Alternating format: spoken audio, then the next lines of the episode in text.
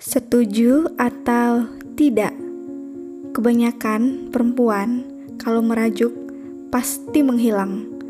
Inginnya dia dibujuk sampai si laki-laki memohon maaf dan mengiyakan apa yang diharapnya. Iya kalau skenario-nya berjalan dengan mulus.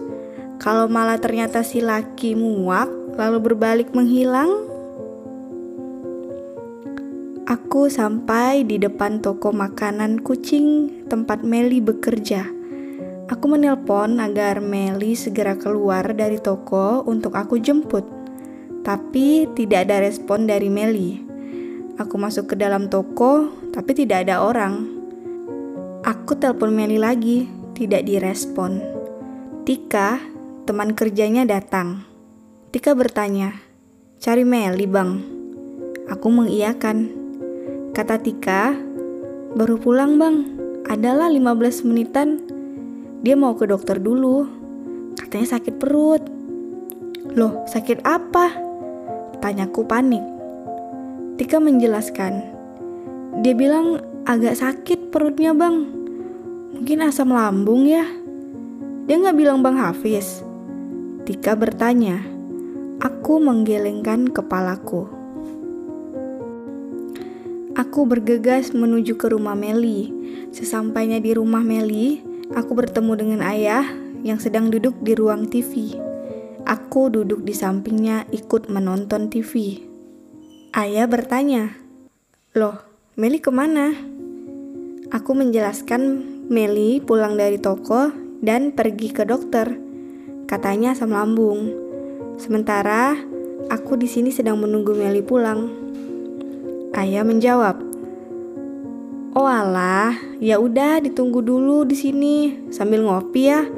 Biar ayah suruh ibu buatkan. Kalian mau ke mana?" Ayah bertanya. Aku bilang, "Mau makan bakso ya? Meli ngajakin." Iya, kami memang sudah sangat dekat. Bahkan jika aku lapar atau haus, Aku bebas untuk mengambil makanan dan minuman dari dapur. Kadang yang membuat aku bisa bertahan adalah situasi seperti ini. Rasa kekeluargaan dan kehangatan yang sudah aku dapat dari keluarga Meli. Begitu juga sebaliknya. Suara motor terdengar mendekati rumah Meli. Tukang ojek online mengantarkan Meli yang pulang membawa kantong kresek kecil berwarna putih yang aku rasa itu adalah obat. Nah, itu kayaknya Meli udah pulang, Fis, kata ayah Meli. Dengan cepat, aku menghampiri Meli. Kamu habis dari mana, Mel? Aku langsung bertanya. Sebentar ya, Fis. Meli menjawab singkat dan langsung masuk ke rumahnya. Cepetan siap-siap Mel, itu Hafiz udah dari tadi di sini. Katanya nungguin kamu, mau ngajak jalan keluar. Ayah Meli mengingatkan. Aku memutuskan untuk menunggu di depan teras. Entah apa yang dipikirkan Meli saat ini. Ya, Meli adalah seorang introvert. Tidak mudah bagi dia untuk mengekspresikan apa yang dia rasakan. Aku percaya momen tadi ketika dia melihat Ayu di dalam mobilku pasti membuat dia sangat shock. Belum sempat aku menjelaskan, lampu sudah hijau dan tukang ojek online sudah langsung melewati mobilku. Sudah hampir setengah jam aku menunggu di luar sambil scrolling Instagram. Meli juga tidak keluar-keluar Chatku pun yang sudah centang biru 15 menit yang lalu tidak direspon oleh Meli. Ayah Meli lalu memanggil Meli untuk segera bergegas. 10 menit berlalu, tidak ada tanda-tanda bahwa Meli akan keluar menemuiku. Akhirnya, aku memutuskan untuk menuju ruang televisi untuk berpamitan dengan ayah Meli. Aku rasa Meli tidak ingin diganggu untuk saat ini. Saat aku masuk ke dalam rumah, Meli sudah keluar dari kamarnya dan siap untuk pergi bersamaku. Kami memasuki mobil. Aku bersyukur Meli ternyata masih mau untuk keluar bersamaku hari itu. Aku merasa semua akan baik-baik saja hingga akhirnya Meli menemukan kadonya yang masih tergeletak di kursi belakang mobil dengan posisi terbalik. Kadonya dibalikin aja kalau nggak mau, kata Meli setelah kepalanya melihat ke arah jok belakang. Aku kaget dan refleks melihat ke jok belakang juga. Astaga, aku sampai lupa kalau kado dari Meli pun belum sempat aku buka. Dari semalam, kado terbungkus kertas bermotif bola basket itu masih belum berubah dari tempat di mana kemarin aku meletakkannya. Bahkan sekarang posisi kadonya terbalik. Pita hiasan kado tergencet di bawah. Secara spontan aku menjawab, "Kan emang spesial mau dibuka hari ini sama kamu, sayang." Meli langsung merengek dengan nada suara yang tinggi. Hafiz, Meli nggak suka loh kalau Hafiz bohong terus sama Meli. Enggak Meli, beneran. Tadi pagi Hafiz udah mau buka, tapi udah keburu di telepon bos buat cepet-cepet pergi ke kantor. Ya udah, Hafiz bawa sekalian kadonya biar bisa buka sama Meli. Yaudah kita pergi jalan-jalan ya. Aku membujuk Meli. Aku langsung memutar mobil dari halaman rumah Meli dan menyetir mobil menuju tempat makan bakso kesukaan Meli. Suasana masih hening. Meli diam seribu bahasa. Beberapa kali aku melihat ke arah Meli. Wajahnya sedih. Hingga akhirnya ketika aku mengerim mendadak karena kucing lewat tiba-tiba, Meli mengomel. Hati-hati dong yang, katanya. Aku hanya diam. Meli melanjutkan. Kamu tega ya yang? Bisa-bisanya kamu makan sama cewek lain tapi aku nggak dikabarin? Aku menjawab, Iya, maaf ya sayang. Aku lupa bilang ke kamu kalau aku juga makan dengan pegawai baru, nggak cuma sama si bos. Lagian bos yang suruh aku untuk ajak dia. Ini mobil kantor kan, belum sepatutnya jadi punya aku yang gak bisa nolak juga. Tapi kan kamu bisa dong sayang chat aku ngabarin klarifikasi, kata Meli. Hafiz kan udah telepon sayang, tapi nggak diangkat. Hafiz kira saya nggak mau diganggu dulu. Aku mencoba menjelaskan Meli. Kan ada chat sayang. Meli merengek. Aku langsung mengambil tangan Meli untuk kucium. Aku meminta maaf. Sorry sayang, kalau lagi ada masalah gini kan memang enaknya teleponan sayang, nggak lewat chat. Meli tidak merespon. Ya udah, kita makan bakso ya di sini. Maafin Hafiz ya sayang. Aku membujuk Meli. Hafiz lain kali jangan lupa kabarin Meli kalau ke mana-mana. Sama siapa, sampai jam berapa. Meli nggak suka kalau Hafiz sembunyi-sembunyi nggak ngabarin kayak tadi. Meli kembali merengek. Aku mencoba menahan emosiku yang hampir memuncak karena Meli merasa aku menyembunyikan pertemuanku dengan Ayu. Padahal aku hanya lupa mengabarkan, aku juga merasa bersalah dengan kepikunanku yang lupa untuk membuka kado dari Meli. Daripada perang ini membesar, jadi perang dunia ketiga, aku memutuskan untuk meminta maaf. Iya sayang, maaf ya, kataku memohon. Ya udah oke, okay. Tapi Meli mau beli dua porsi ya baksonya. Harus boleh ya. Pinta Meli dengan nada memaksa dan manja. Iya sayang, aku mengusap-usap kepala Meli. Kami pun melanjutkan perjalanan. Tak lupa, aku menghidupkan radio. Kebetulan saat itu saluran yang sedang kami dengar memutarkan lagu dengan lirik I found a love for me. Kami pun bernyanyi bersama sepanjang perjalanan menuju tempat bakso. Meli benar-benar memesan bakso dengan jumlah dua porsi. Meli tampak lahap memakan bakso porsi pertama. Semangkuk baksoku sudah habis duluan. Sambil menunggu Meli menghabiskan semangkuk lagi baksonya, aku scrolling Instagram aku melihat storygram Ayu. Dia mengupload kegiatannya sedang masak untuk makan malam. Wajahnya sudah cantik, semakin menarik dengan tambahan filter. Ya, Ayu memang sering sekali mengunggah kegiatannya sehari-hari. Aku senang memerhatikan kegiatannya. Dia wanita yang tampak ceria, baik di storygram maupun di kantor. Kontennya juga unik-unik, seperti tutorial menggunakan kutek, review series yang lagi dia tonton, hingga pendapat-pendapatnya mengenai berita yang sedang viral. Ayu seperti buku baru yang sangat ingin aku habiskan untuk dibaca. Perempuan yang aku rasa sangat menarik untuk didalami.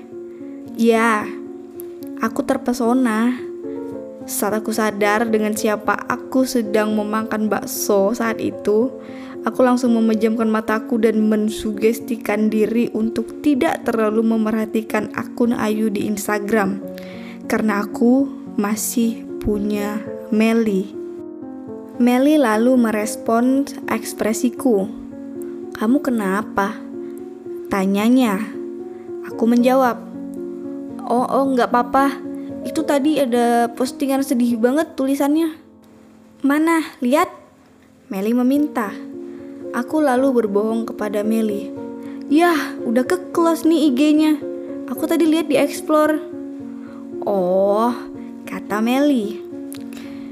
Besok siang anterin aku ke kantor ya, yang Meli meminta. Aku teringat belum sempat bercerita tentang keberangkatanku besok bersama Ayu. Aku tahu ini akan melanjutkan perang yang tadi sempat berhenti sejenak di mobil kalau aku membicarakan hal ini. Tapi jika tidak diberitahu, perang ini akan semakin memuncak jadi aku memutuskan untuk mengabari Meli. Aku bersiap-siap untuk cerita dengan mengambil nafas panjang. Sayang, besok Hafiz ada perjalanan dinas ke Bandung. Tiga hari aja sih. Entar hari Sabtu Hafiz sudah pulang. Aku menjelaskan dengan tenang. Lama banget tiga hari yang Kata Meli Ya, memang hampir setiap hari kami selalu bertemu Jikapun ada perjalanan dinas Pasti akan ada drama terlebih dahulu sebelum aku pergi Karena apa? Meli tidak punya teman selain Tika Temannya di toko makanan kucing Dan ciwi-ciwi di grup basket bertemu dengan ciwi-ciwi di grup basket pun pasti harus bersama aku. Tenang sayang, nanti Hafiz beliin oleh-oleh ya. Kamu mau apa? Mochi mau. Aku mencoba menenangkan. Meli suka sekali kalau aku bawakan oleh-oleh setelah perjalanan dinas. Ya udah, mochi nggak apa-apa deh yang Jawab Meli dengan memelas sambil mengambil bakso porsi keduanya. Sayang sendiri, Meli bertanya sambil mengunyah bakso. Aku bingung mau menjelaskan fakta bahwa aku akan pergi bersama Ayu. Karena pasti akan tambah panjang. Masalah kepergoknya aku dan Ayu di mobil aja baru kelar kepergian aku keluar kota bersama Ayu, lagi-lagi Ayu, pasti akan memperpanjang episode drama hari ini. Aku bersiap-siap lagi dengan mengambil napas panjang dan lebih dalam. Tapi sayang jangan marah ya. Aku meminta Meli Meli menghentikan suapannya dan minum seteguk es teh di sampingnya. Kenapa harus marah? Meli bertanya. Aku lalu memulai menjelaskan dengan perlahan. Perempuan yang tadi di mobil namanya Ayu. Dia baru aja seminggu di kantor. Tadi aku makan siang bertiga sama bos dan Ayu itu karena Ayu mau naik ke kepala divisi marketing. Ya biasalah, marketing yang lama ada masalah sama bos. Sampai si bos harus memecat dia. Bos pingin Ayu yang naik karena nggak ada tim marketing lainnya. Nah, karena Ayu belum ada pengalaman di divisi marketing, belum selesai aku menjelaskan ke Meli, dia sudah bisa menebak sendiri lanjutan dari penjelasanku. Jadi besok kamu pergi sama Ayu. Ayu itu? Meli memotong penjelasanku. I iya sayang, tapi bukan aku yang minta ya. Demi kebaikan kantor. Lagian bos juga udah inisiatif bahwa kami akan ditempatkan di hotel yang berbeda. Aku mencoba meyakinkan Meli. Aku mau ikut. Meli meminta dengan semangat. Gak bisa gitu ya, kan ini urusan kerjaan kantor. Aku berusaha membujuk Meli. Ya nggak apa-apa sayang, nanti Meli di hotel yang beda juga nggak apa-apa. Yang penting habis kelar urusannya, kita jalan-jalan di Bandung berdua aja. Pinta Meli. Aku tahu, Meli khawatir dengan keberadaan Ayu. Apalagi kami harus pergi keluar kota berdua. Ya udah, kelarin dulu makannya ya. Nanti kita obrolin di mobil. Aku mencoba membujuk Meli. Di perjalanan pulang, Meli ternyata mencari tiket pesawat. Saya besok berangkat jam berapa? Ini tiketnya murah-murah kok. Meli bertanya. Sayang, please, jangan ikut ya. Aku nggak enak sama orang kantor. Aku juga pasti bakalan sibuk di sana. Aku janji nggak akan macam-macam yang. Aku menenangkan Meli. Lagian kamu kan ada jadwal kerja besok. Aku meyakinkan Meli untuk tinggal saja. Aku bisa izin sakit atau ada acara keluarga di Bandung. Meli memaksa. Sayang, please, jangan samain pekerjaan dan urusan pribadi dong. Aku mulai marah. Kamu mau aku gak pergi aja besok? Aku menantang Meli. Meli terdiam tidak bisa merespon. Keheningan di mobil kembali terjadi hingga akhirnya kami sampai di jalan depan rumah Meli. Tanpa basa-basi, Meli langsung keluar dan menutup pintu mobil. Aku menghela nafas panjang, Aku benar-benar bingung dengan sikap Meli yang aku rasa masih kekanak-kanakan. Apakah sikap ini yang membuat perasaanku mulai pudar terhadapnya? Aku menyetir mobil pulang ke rumah sambil memikirkan apa yang harus aku lakukan supaya Meli tidak lagi marah kepadaku. Sesampainya di parkiran mobil rumahku, aku ingat ada kado dari Meli yang harus aku buka. Kado tersebut berukuran medium, tidak terlalu kecil dan tidak terlalu besar. Kertas motif bola basket aku buka secara perlahan hingga terlihat kardus berwarna coklat. Aku buka kardus tersebut dan tampak kaos berwarna putih merek Uniqlo. Aku memang sedang mencari kaos warna putih. Di balik kaos tersebut Ternyata ada sebuah bingkai berisi foto aku dan Meli saat kami pertama kali berkencan.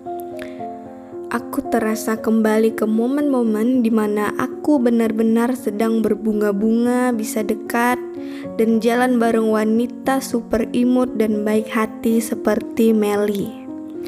Aku mengambil foto kaos dan bingkai foto tersebut, lalu ku posting ke story Instagramku dengan caption, Terima kasih sayang. Sekalian kutak nama Instagram Meli. Tak lama kemudian aku mendapatkan notifikasi WhatsApp dari Meli. Sayang, maaf ya. Aku terlalu kekanak-kanakan. Meli percaya kok sama Hafiz. Jangan lupa packing berkemas ya sayang.